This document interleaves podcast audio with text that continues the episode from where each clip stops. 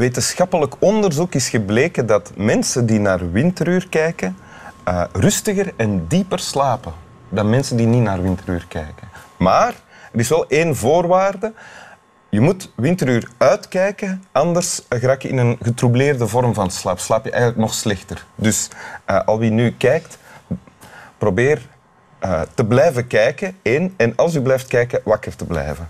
Um, voilà, dat is uh, goede raad van mijzelf en van Boris. Wij hebben vandaag in Winteruur voor het eerst een minister van Staat te gast. Welkom. Dank u. Miet Smet. Uh, u bent politica geweest, actief politica geweest.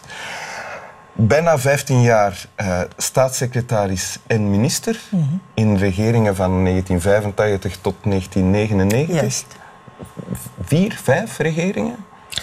Um, de, eerste, de, eerste, serie regeringen uh, waren er nogal veel nadien. Heeft men een wet ingesteld dat eigenlijk het parlement een legislatief parlement wordt. En dan werd, dan werd dat vier of vijf jaar, ik herinner het me niet. Maar de eerste serie was veel.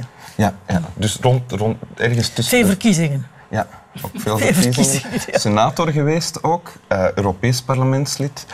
Uh, Vlaams en federaal parlementslid natuurlijk. Um, weduwe ook, van uh, Wilfried Martens. En hoewel u niet meer actief aan politiek doet in de zin van dat u verkiesbaar bent, anders hadden we u trouwens ook niet gevraagd. We hebben nog nooit een politicus te gast gehad in uh, Winteruur. Mm -hmm. uh, bent u nog wel altijd, nog altijd aan het werk. Hè? Mm -hmm. En dat speelt zich ook nog altijd af in de politiek eigenlijk. Sfeer, ja. ja, ja. In de politieke sfeer, ja. In de politieke sfeer. Maar dan voornamelijk ten behoeve van een ander continent, zeg ik het juist? Ten behoeve van uh, Afrika en de zetel is in Amsterdam. Ik ga elke week één dag naar Amsterdam. Oké. Okay. Oh, lekker. Hè? Ja, vind je dat? Nee? In de winter niet. Gaat u met de trein? Ik ga met de trein. Ah, ja, dat is toch ja. een leuke rit? Nee? Ja, ja, maar het station van Antwerpen, als je beneden staat, is zeer koud. Ah ja, dat is waar. Ja, dat is waar. Een dikke ja. frakkan doen. Ja, ja, dat zal ik doen. Okay. U hebt een tekst meegebracht. Ja. Wil je hem voorlezen? Ik zal hem voorlezen. Het is dus een tekst die, um, van Wim Sonneveld, uh, gezongen door Wim Sonneveld. En ik vind het eigenlijk mooier als het gezongen is dan wanneer ik het lees, maar ik zal het lezen. Ja. Thuis heb ik nog een aanzichtkaart, waarop een kerk, een kar met paard, een slagerij van der Ven, een kroeg, een juffrouw op de fiets. Het zegt u hoog, hoogstwaarschijnlijk niet, maar het is waar ik geboren ben. Dit dorp, ik weet nog hoe het was. De boerenkinderen in de klas, een kar die ratelt op de keien. Het raadhuis met een pomp ervoor, een zandweg tussen koren door. Het vee, de boerderijen. En langs het tuinpad van mijn vader zag ik de hoge bomen staan. Ik was een kind en ik wist niet beter dat het nooit voorbij zou gaan. Een tekst zo muzikaal dat waarschijnlijk een groot deel van de kijkers van Winteruur hem ondertussen een beetje hebben meegezongen terwijl je hem voorlas. Ja, het is eigenlijk om te zingen. Ja. Ja. De tekst is, is, niet van Wim Sonneveld zelf, het is vertaald uit het Frans door uh, Friso Wiegersma. Door de partner van uh, Wim Sonneveld. Ja, en dat was geen hobbit uit Friesland, dat was iemand die geboren was in Deurne, Nederland. Deurne, Nederland, ja. ja, ja. En het huis van zijn vader ligt nu aan een straat die herdoopt is tot tuinpad van mijn vader.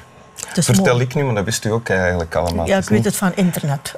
Van internet? Van internet. Ja, ja. ik nee, ik, uh, ik wist Jij wist het zo. Ja, ik wist het zo. Uh, Oké, okay, waarom hebt u dit gekozen? Ik heb dit gekozen um, om twee redenen. De eerste reden is voor herdenking aan mijn vader. Mijn vader is um, geboren in een dorp, ja. weliswaar in de Verenigde Staten van Amerika, in Loretto, een klein dorp in de staat Michigan. Ja? Uh, waar zijn ouders voor de Eerste Wereldoorlog naartoe gegaan waren. Met dit schip hier in Antwerpen, waar een groot museum uh, rond de bestaat. Red Star Line. De Red Star Line. Daarmee zijn uw grootouders naar de Verenigde Staten vertrokken nog voor de Eerste Wereldoorlog. Ja. Dus uw vader is daar geboren. En mijn vader is daar geboren en heeft daar een paar, een paar jaar gewoond. Ah, ja. Uh, ik ben er naartoe gegaan om een dorp te gaan bezoeken. Mijn vader was toen al gestorven, hij is jong gestorven. Zeg, maar uw vader is geboren in de, in de Verenigde Staten. Ja. Hij was toch ook politicus, hè? Ja, mijn vader dus was hij had ook nog president van de Verenigde Staten kunnen Absoluut. Dan zou het niet Trump worden, hè? dan zou het ijs worden als u Ja, dat. Ja. ja. Ehm, dus ik ben naar dat dorp gegaan. En ik, Wanneer, wanneer bent u er? In 76. Ah ja. En, en ik ben gaan bellen aan het eerste huis dat ik tegenkwam. Toen was uw vader al gestorven? Toen was mijn Ja. vader al gestorven. En ik stelde mij voor en ik zei dat ik eh Miet Smet was van eh, België enzovoort. En die mevrouw zei tegen mij, ga hier rechtover. Die mevrouw is ook van België. Die zal misschien u verder kunnen helpen. En die mevrouw, die de deur opendeed, toen ik heel mijn uitleg gedaan had, zei... I am Miet Smet from St. Gilles Waas. Mary Smith. Mary Smith from St. Gilles Waas. Is dat dezelfde naam? Dezelfde naam als ik, van dezelfde streek als ik. Want u komt uit, uh, Uit Lokeren. Lokeren. Ja. Uit Lokeren. En eh, Kon zij nog Nederland, de Amerikaanse nee, nee? Ah, nee. En eh, ik vroeg haar, ik zeg, hoe waren mijn grootouders? Oh, they were very conservative people. En conservatief in ons begrip is dat zeer ouderwets. En ik vroeg haar, wat betekent dat eigenlijk? Dat betekent, zegt ze, dat ze iedere penny spaarden om terug naar België te kunnen gaan, want ze droomden van terug naar België te kunnen gaan. En het waren geen rijke mensen. Ehm, mijn grootvader werkte in een ijzerertsmijn, dus ze hebben echt moeten sparen om terug te gaan. En ik ben dan met die mevrouw het hele dorp rond geweest. Ja? eh, met haar een auto, zat daar kruilijzers in, het is een echt Amerikaanse. Naar het gemeentehuis, de school, eh, de ijzerertsmijn enzovoort. Zodat ik toch een blik had eh, of een idee had van het dorp waar mijn vader geboren En, was. en, en dit, deze tekst doet u ook aan dat dorp, hoe heet het, Loretta? Loretto. Loretto. Loretto. Ja, ja, ja het doet er mij ook aan denken. Ja, ja, En aan mij uw vader dus ook. En aan mijn vader ook, ja. Het is een ja. beetje no- nostalgisch natuurlijk. Hè. Ja. Eh. En de tweede persoon eh, aan wie het mij doet denken is aan Wilfried. Eh, Wilfried komt van Slijdingen. Ja? Wilfried Martens. hè? Wilfried Martens. En Slijdingen bij eh, Evergem.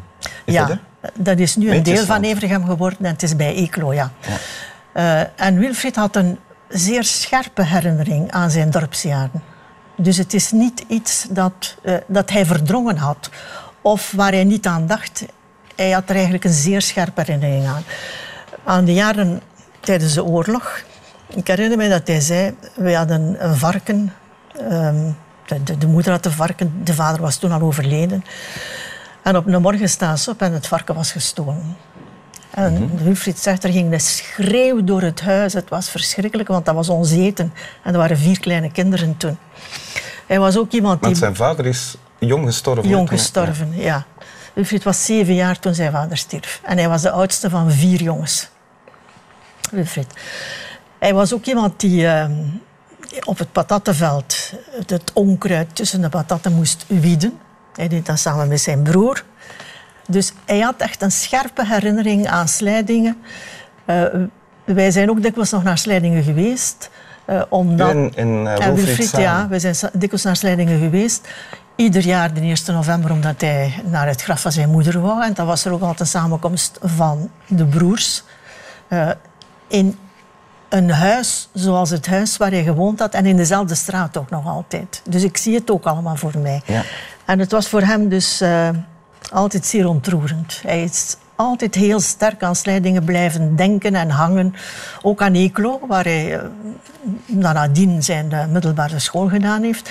Hij had ook een grote verbintenis met al die mensen. Als hij naar de universiteit gegaan is, is het onder andere dankzij de pastoor van de school waar hij naartoe gegaan is, die zijn moeder komen zeggen had, "U, die jongen is te slim, je moet hem naar de universiteit sturen. Ja. Dus dat was voor hem eh, echt zijn jeugd. En komt u daar nu nog in Slijdingen? Ik kom er nog in Slijdingen. Binnenkort ga ik naar een toneelspel dat gespeeld wordt Ja? in Slijdingen. Omdat ik intussen toch bevriend geraakt ben met een aantal mensen van Slijdingen. Eh, Ze hebben een standbeeld opgericht voor Wilfried. Ze hebben dat zelf gedaan op eigen initiatief. Eh, Dat staat dus in Slijdingen tussen aan de ene kant... Ik moet er altijd mee lachen.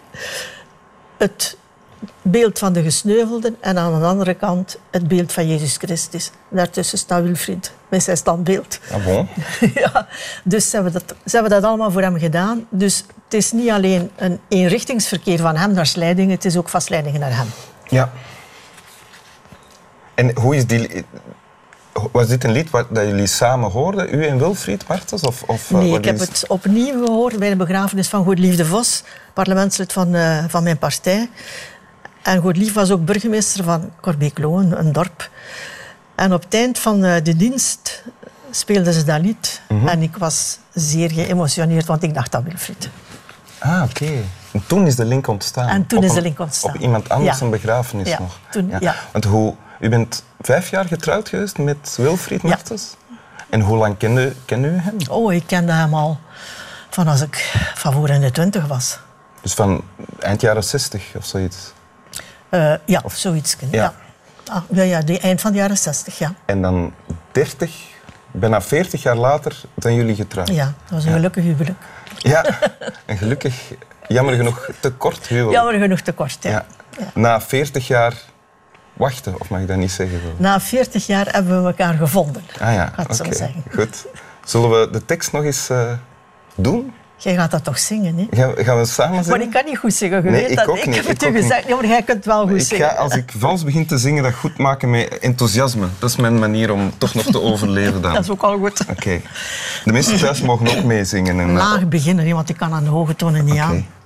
Weet je, ik ga zeggen waarom. Als je veel gaat spreken zoals ik, ik heb in mijn leven enorm veel spreekbeurten gegeven, je stem gaat weg. Ah ja. Je, ver- je verliest je stem. Dus zwijgen is beter dan spreken. Absoluut. Maar ja, te laat nu. Hè. Thuis heb ik nog een aanzichtkaart waarop een kerk, een kar met paard, een slagerij J. van de Ven, een kroeg, een juffrouw op de fiets. Het zegt u hoogstwaarschijnlijk niets, maar het is waar ik geboren ben. Dit dorp, ik weet nog hoe het was. De boerenkinderen in de klas, een kar die ratelt op de keien. Het raadhuis met een pomper voor, een zandweg tussen koren door. Het vee, de boerderijen. En langs het tuinpad van mijn vader zag ik de hoge bomen staan. Ik was een kind en wist niet beter dan dat het nooit voorbij zou gaan. Zouden wij nog goed samen kunnen zingen? hè? Eigenlijk. Dat hebben de mensen thuis tegen elkaar ook zitten zeggen, denk ik. Dank je wel, Dank je mevrouw wel. Smet. Slap wel. Slaap wel allemaal.